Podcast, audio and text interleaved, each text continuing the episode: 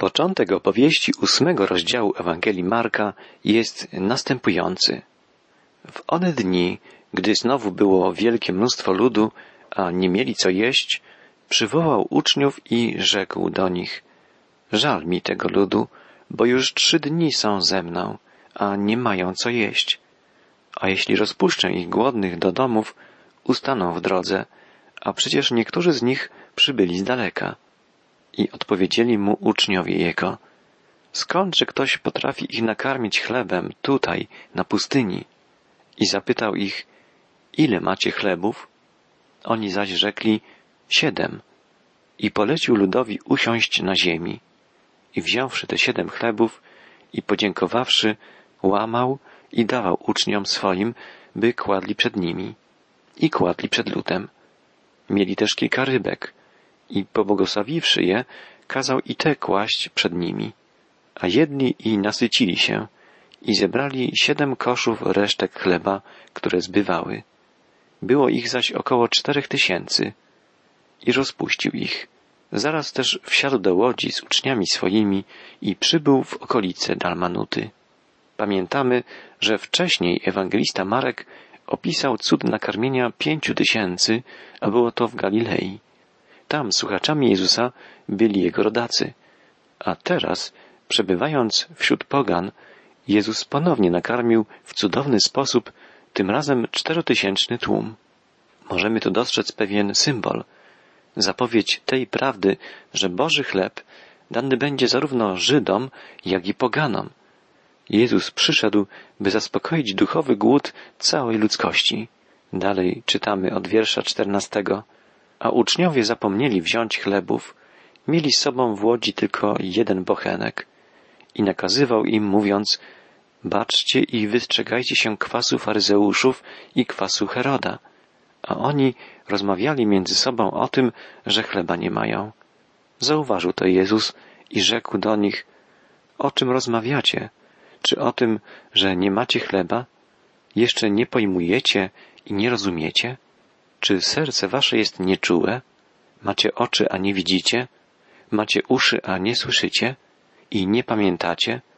Gdy łamałem pięć chlebów dla pięciu tysięcy, ile koszów pełnych resztek chleba zebraliście? Odpowiedzieli mu dwanaście.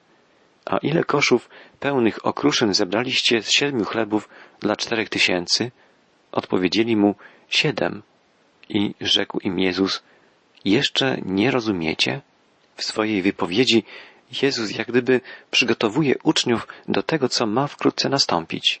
Mówi niejako tak. Być może już wkrótce uświadomicie sobie, kim jestem, że jestem namaszczonym przez Boga Mesjaszem.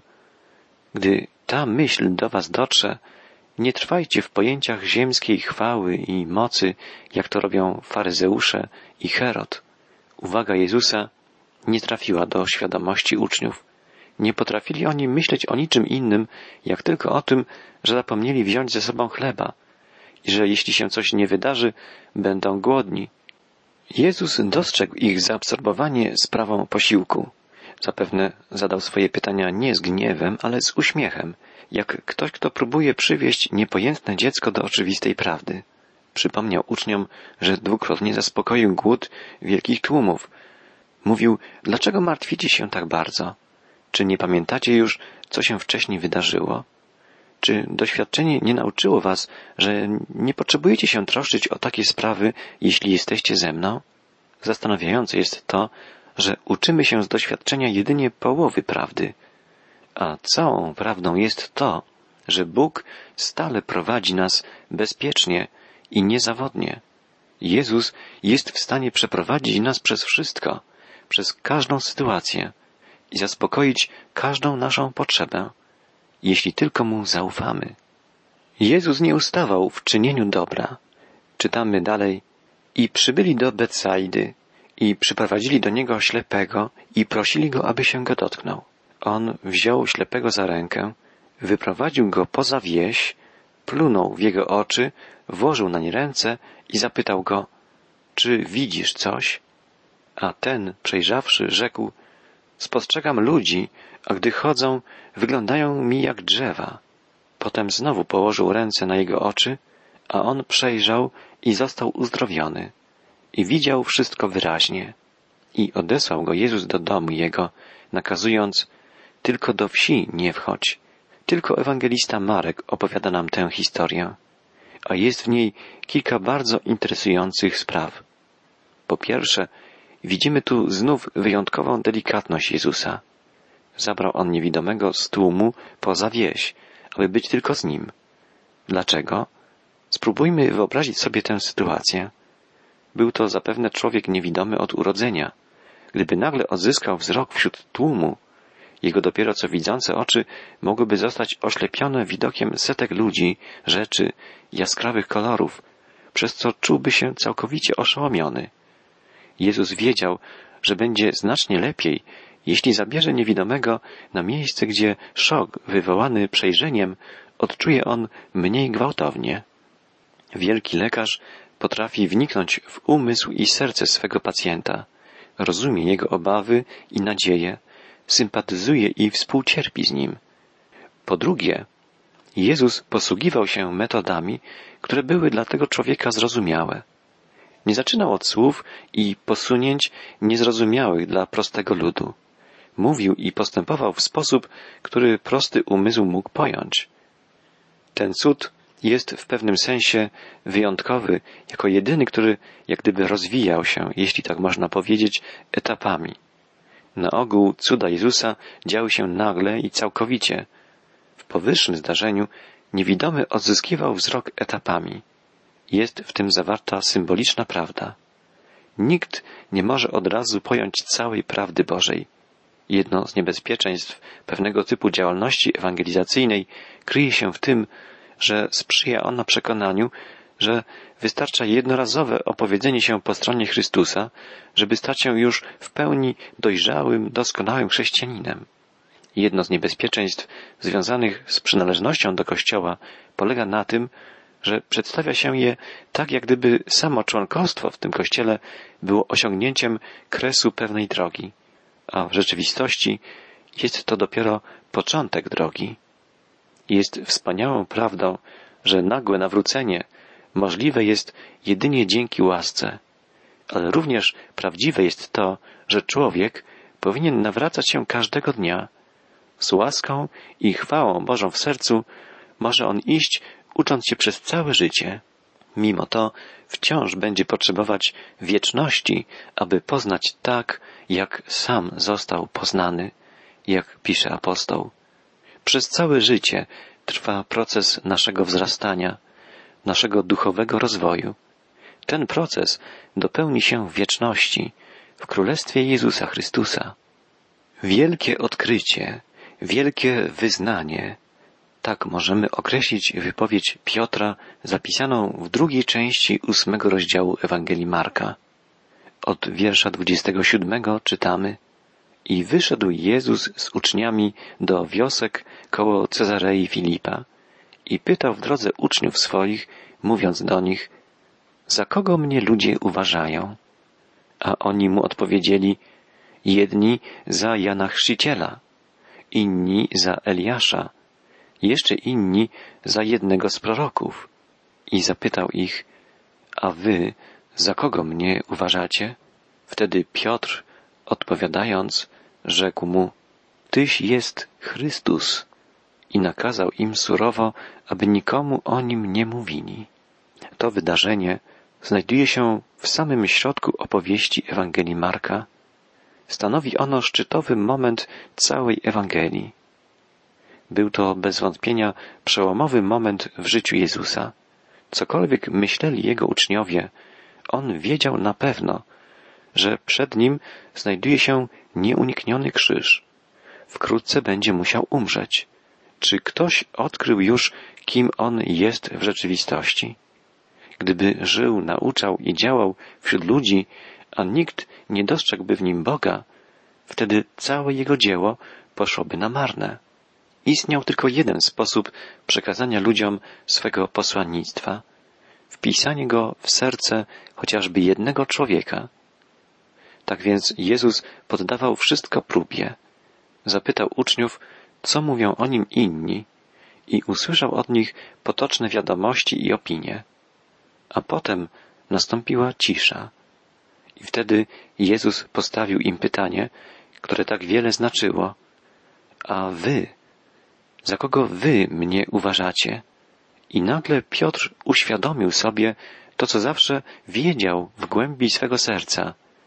Jezus to Mesjasz, to Chrystus, namaszczony, Syn Boga. Było to wyznanie niezwykle istotne.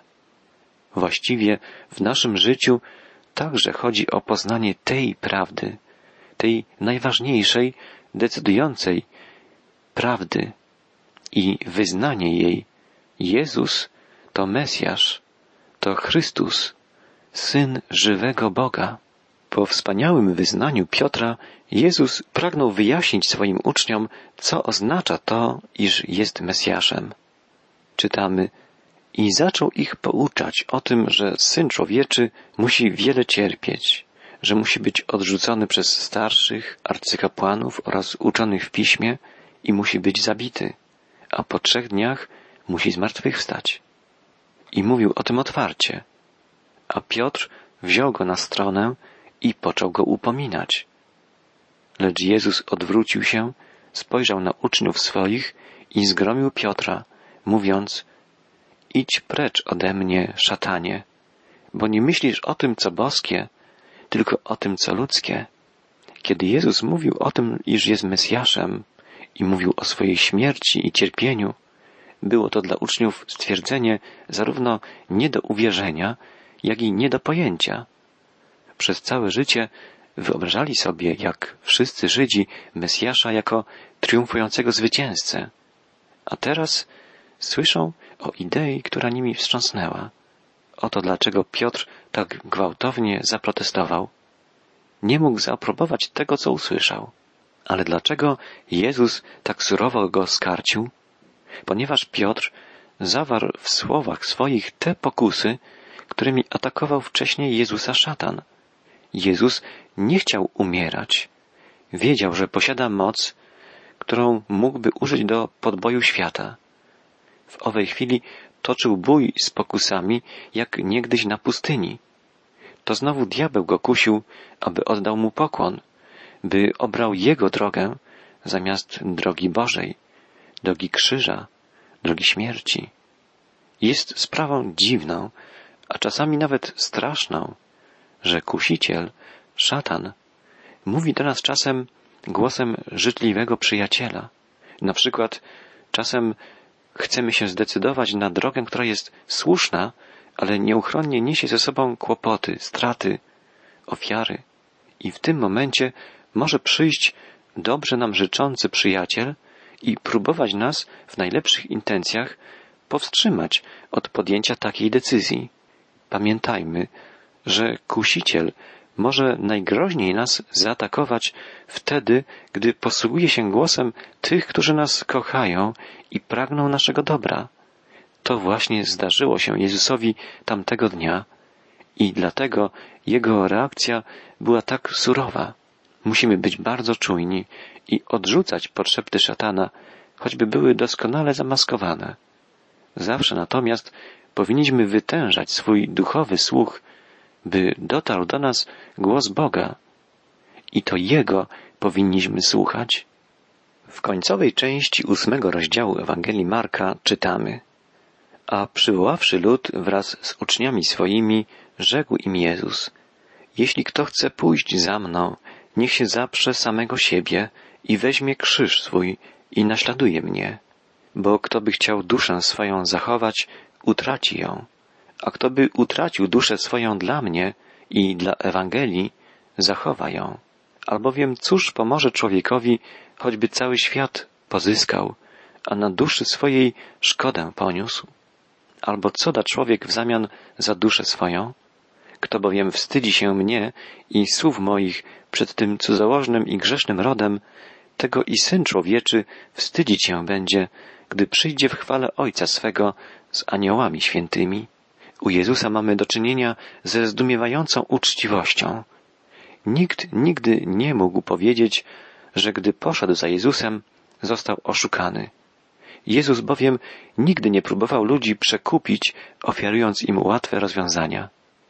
Mówić człowiekowi, że musi być gotowy do niesienia krzyża, znaczyło w tamtym czasie mówić mu, że musi być przygotowany, że ludzie uznają go za przestępcę i skażą na śmierć. Jezus nigdy nie zwodził ludzi, proponując im łatwe życie. Pragnął ich zmienić, obudzić uśpioną wielkość ich dusz, oferując im drogę nie mającą równej sobie, najwyższą i najtrudniejszą. Jest faktem, że Jezus nigdy nie wzywał ludzi, aby czynili cokolwiek, czego On sam by nie był gotów uczynić i w rzeczywistości uczynił. Jezus nie był typem przywódcy przyglądającego się z dala i rozporządzającego ludźmi jak pionkami. Kiedy wymagał, aby uczniowie stawili czemuś czoła, on też gotów był tak samo postąpić. Jezus miał prawo wzywać nas do podjęcia krzyża, ponieważ sam niósł go pierwszy. Jezus mówi temu, kto chce zostać jego uczniem, zaprzy się samego siebie. Najpełniej zrozumiemy znaczenie tego żądania, jeśli potraktujemy je bardzo dosłownie i prosto. Kiedy człowiek chce pójść za Jezusem, zawsze musi mówić sobie nie, a Chrystusowi tak. Musi mówić nie każdemu swemu naturalnemu dążeniu do wygody i komfortu. Musi powiedzieć nie każdemu działaniu opartemu na samowoli lub samolubstwie. Musi powiedzieć nie tym instynktom i pragnieniom, które skłaniają go do sięgania, korzystania i posługiwania się rzeczami zakazanymi. Bez wahania musi natomiast odpowiedzieć tak na wezwanie i rozkaz Jezusa Chrystusa. Musi umieć powtórzyć za apostołem Pawłem Żyję nie ja, ale żyje we mnie Chrystus. Człowiek taki nie żyje już po to, by zaspokajać własną wolę i realizować ją, ale by wypełniać wolę Chrystusa i w tej służbie, w tej misji znaleźć doskonałą wolność. Jezus mówi, bo kto by chciał duszę swoją zachować, utraci ją, a kto by utracił duszę swoją dla mnie i dla Ewangelii, zachowa ją. Istnieją pewne rzeczy, które można utracić, gdy się je zatrzymuje, i takie, które można ocalić, gdy się je używa. Każdy talent, jaki posiadamy, ma tę własność. Gdy się nim posługujemy, staje się coraz większy, rozwija się. Zaś jeśli się go nie używa, zostaje w końcu utracony. W najwyższym stopniu odnosi się to również do naszego życia chrześcijańskiego. Bóg dał nam życie nie po to, aby tylko je utrzymywać, ale aby je spożytkować. Jeżeli żyjemy ostrożnie, oszczędzając swoje siły, myśląc zawsze i przede wszystkim o własnym zysku, o własnej wygodzie, zadowoleniu, bezpieczeństwie, jeżeli naszym jedynym celem jest zorganizowanie sobie życia możliwie jak najmniej kłopotliwego, jeśli skupiamy wysiłek tylko na nas samych, wtedy tracimy życie przez cały czas. Ale jeśli przeznaczymy nasze życie dla innych, jeśli zapomnimy o naszym bogactwie, o naszym zdrowiu, wygodzie, kierowani pragnieniem pracy dla Jezusa i ludzi, dla których Jezus umarł, zyskujemy życie wciąż na nowo. Najgłębsza istota życia związana jest z ryzykiem i z poświęceniem, a nie z chronieniem go i hołbieniem. To prawda, że jest to droga męcząca, droga wyczerpująca, droga dawania siebie wszystkiego, ale lepiej spalać się każdego dnia niż rdzewieć, gdyż ta droga prowadzi do szczęścia u boku Boga. Życie jest darem, który otrzymaliśmy od Boga. Nie możemy wykorzystać życia lepiej niż poświęcając je dla Boga, oddając mu je do dyspozycji. Nie próbujmy wykorzystać życia tylko dla siebie, egoistycznie, samolubnie, bo wtedy je utracimy, zmarnujemy. Oddajmy ster swojego życia Jezusowi, a wtedy będzie ono w pełni wartościowe, pożyteczne, szczęśliwe i spełnione.